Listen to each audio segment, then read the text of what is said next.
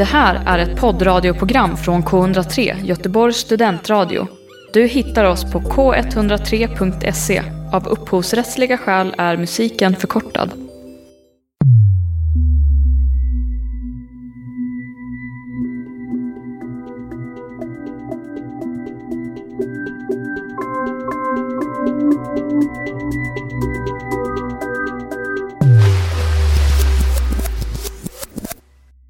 Du lyssnar på Den inre galaxen. En intervjupodd där jag, Paulina Witte, träffar gäster och experter som alla är nyfikna på hur vi människor beter oss och vad som egentligen händer i våra känsloliv och hjärnor. Varje avsnitt har ett tema som på något sätt kan kopplas till vår kognition. Så det blir en plats för samtal om allt möjligt, stort och smått. Det temat som vi ska ha idag är känslor. Det är ju svårt och kanske lätt också samtidigt. Så vi behöver inte klubba ner exakt så här är det. Men det är ändå spännande att, eh, att försöka förstå mer, tycker jag. Mm. Jag, Paulina Witte, sitter här med Stefan på psykologiska institutionen i Göteborg. Och jag tänkte att du skulle få presentera dig själv istället. Jag heter Stefan Winblad och jag är psykolog men också lektor vid psykologiska institutionen vilket innebär att jag är forskare och lärare. Ja, men om vi gör ett försök då. Vad, vad skulle du säga att eh, en, en känsla är för någonting egentligen? Ja, men det är ju precis som du säger att det här är ju någonting som är ganska svårt egentligen att definiera. Vi har ingen egentligen klar definition av vad en emotioner. För emotion är ju ett begrepp som man använder sig av inom forskningen.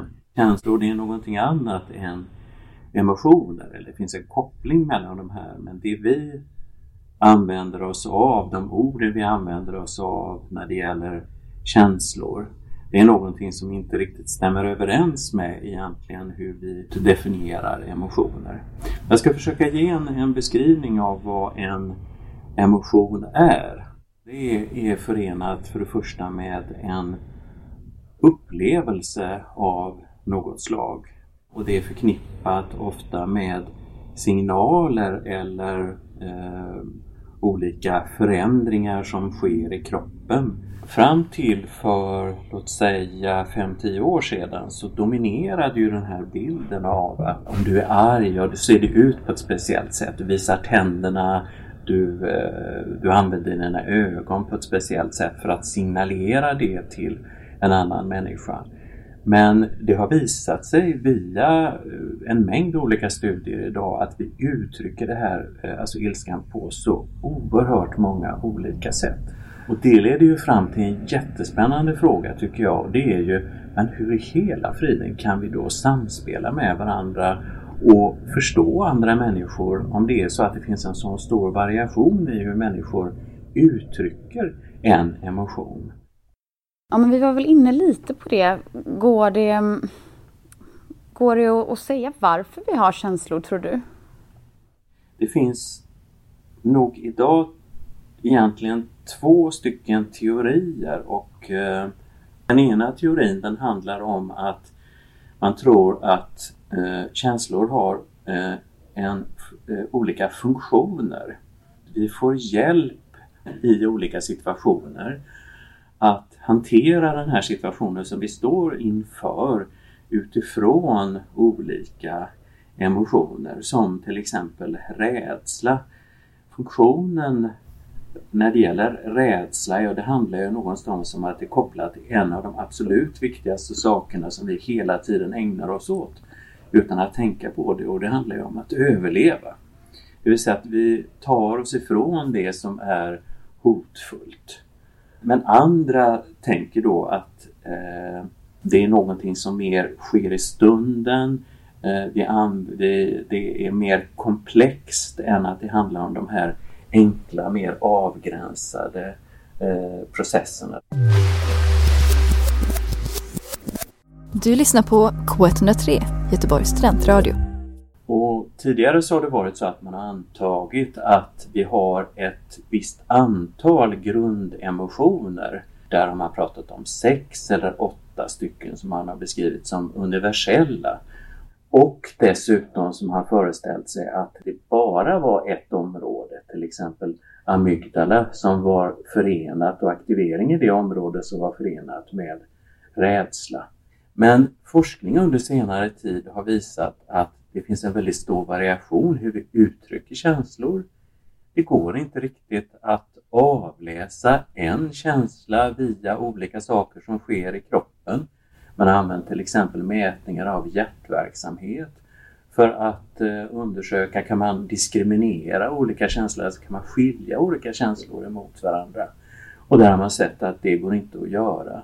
Det börjar växa fram en annan bild av hjärnaktivering idag som pekar emot att det är stora nätverk i hjärnan som samspelar och att det är de, det samspelet som ligger till grund för att här, det vi kallar emotioner eller känslor. Jag tycker det är spännande att vi har sånt behov av att förenkla. Att vi kanske inte ens kan acceptera att vi inte förstår helt hur det går till eller exakt vad det är som, som är att vara glad eller ledsen och sådär. Ja, att man uttrycker också känslor på så väldigt många olika sätt. Vi tränar hela tiden på detta att läsa av, försöka förstå känslor och Eh, emotioner. Detta är någonting som vi blir experter på, de allra flesta av oss, när vi blir till som människor. Det här är någonting som vi ägnar oss åt varje dag från det att vi kommer ut ur moderslivet till att vi sen blir till som vuxna personer. Tror du att, eh, att det går att påverka våra personligheter till att vara mer eller mindre känslosamma? Innan man, jag svarar på den frågan så skulle jag egentligen vilja alltså, egentligen formulera en motfråga. Ja, visst. Och det är ju varför man skulle eh, förändra just detta. För att det är nog en önskan som man skulle kunna ha i, eh, alltså i, i olika situationer. Att jag skulle vilja vara kanske mindre eller jag skulle vilja vara mer känslosam i en eh, viss situation. Men jag skulle säga att det går ju att förändra över tid. Man, jag tror att man ska ta en vända och fundera kring varför man skulle vilja förändra detta. Det kan ju vara så att till exempel att man befinner sig i en kultur, nu spekulerar jag lite. Ja visst, det är det vi gör. ilska eller aggression eller starka känslouttryck inte är så accepterat. Eh, det kan vara så att man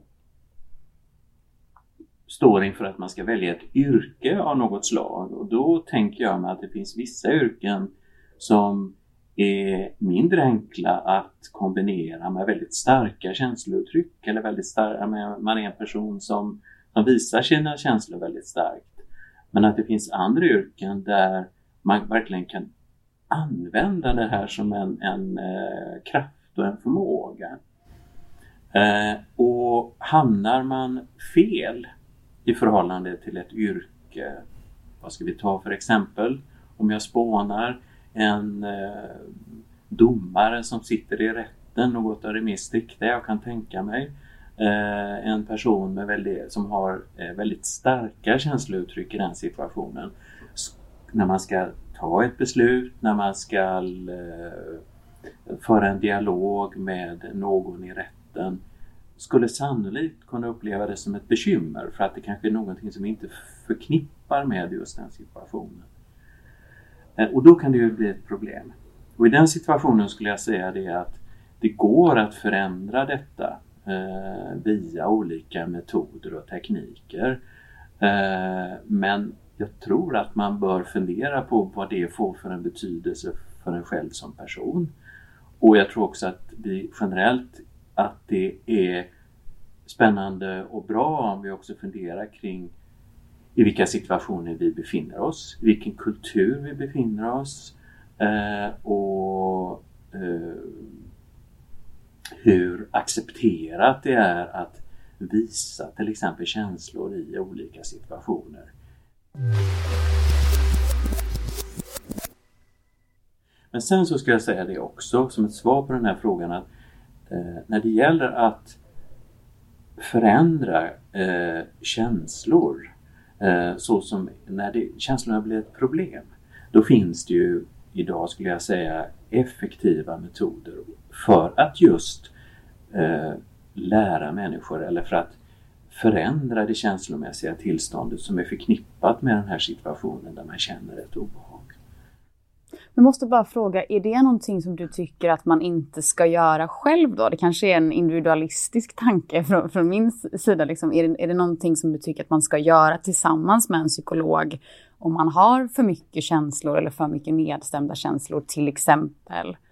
Det där är också det är en ganska det är en svår fråga egentligen att svara på. Det finns ju mängder av olika saker som idag vi vet är förenat med eh, hälsa, alltså psykisk hälsa. Vi kan ju alla göra en mängd olika saker för att positivt påverka våra känslor. Och där tror jag inte att man behöver gå till en psykolog. Mm. Psykologen uppfattar jag att man ska gå till i den stund då man känner att det här blir ett problem som inte jag kan hantera. Och det får jättestora, alltså det får stora konsekvenser för mitt liv. Mm.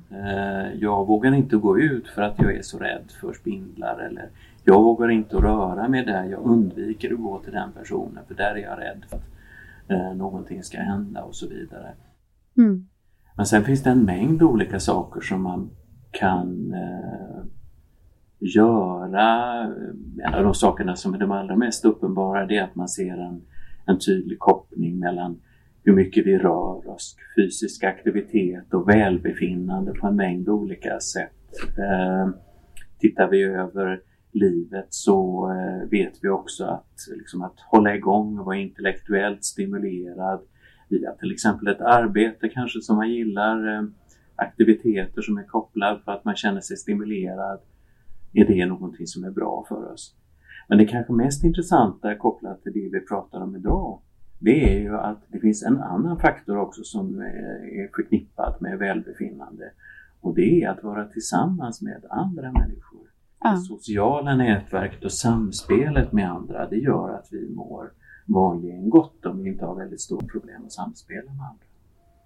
Så det finns mycket som vi kan göra för att liksom, eh, arrangera våra liv så att vi mår bra. Men det finns också då många saker som gör att vi kan må dåligt. Och det är för dem som vi behöver då hålla koll på som människor om man inte har allvarliga problem så att man behöver söka sig till en psykolog. Mm. Jag tyckte det var intressant hur du eh, frågade tillbaka frågan förut här på eh, varför. Eh, det är en bra poäng tycker jag som du gör där. Varför man skulle vilja ändra eh, sin personlighet då. Mm. Att det, det kan ju också handla om att anpassa sig till en miljö där man kan bli uppskattad som man är. Det kanske mm. ibland är, är samhället eller systemet eller arbetsplatsen som är fel inom situationstecken och inte... Situationen som man befinner sig. Det behöver inte vara fel på dig utan det kan vara att du har hamnat i fel situation. Eller nisch som man kallar det inom, eh, inom forskningen.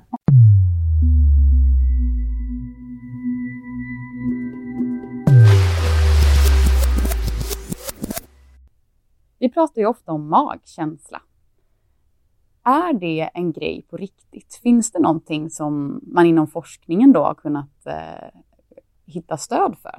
Ja, det beror ju på vad man menar med vetenskapligt stöd förstås. Men om man tänker sig att eh, om man tänker sig så här att vi kan stå inför att eh, lösa en mängd olika typer av uppgifter eller problem. Å ena sidan kan vi använda oss av tankarna och logik. Och då får vi ägna, då ägnar vi oftast en liten stund åt det. Vi tänker över problemet, det går långsamt och vi är ofta medvetna om den där processen.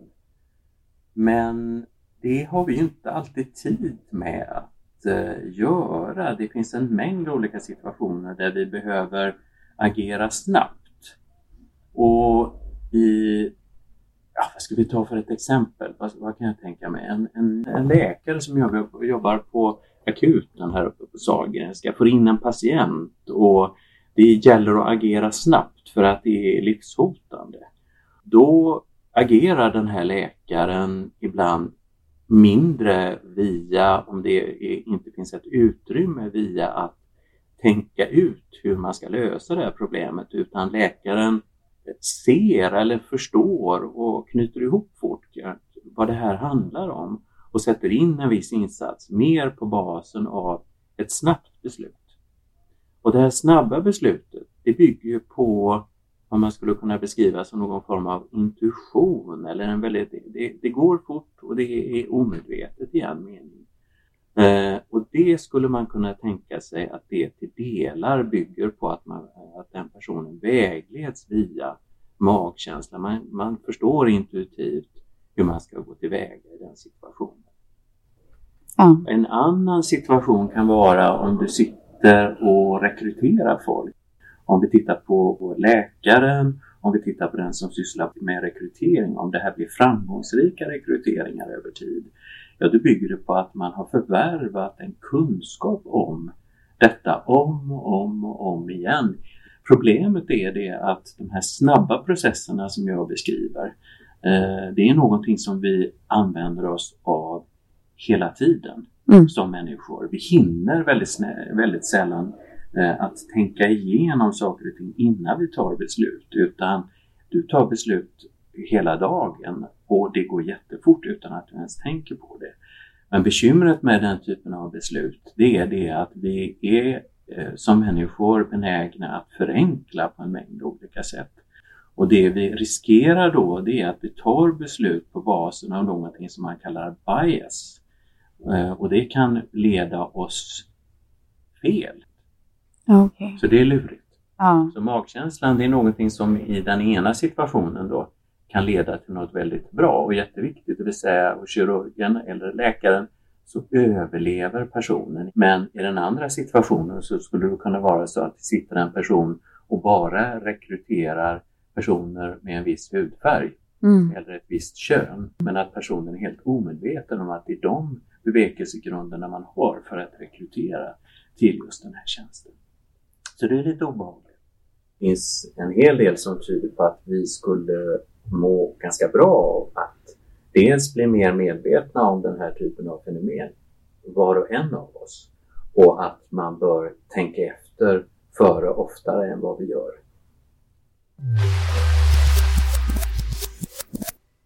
Vad är, vad är, vad är någonting eh, verkligt och vad är ett fenomen när det är på riktigt om man uttrycker sig enkelt. Och där kan man se att det finns en del forskning då som ger stöd för att när man då försökt pröva det här och tittat på till exempel vilka områden i hjärnan är det som aktiveras.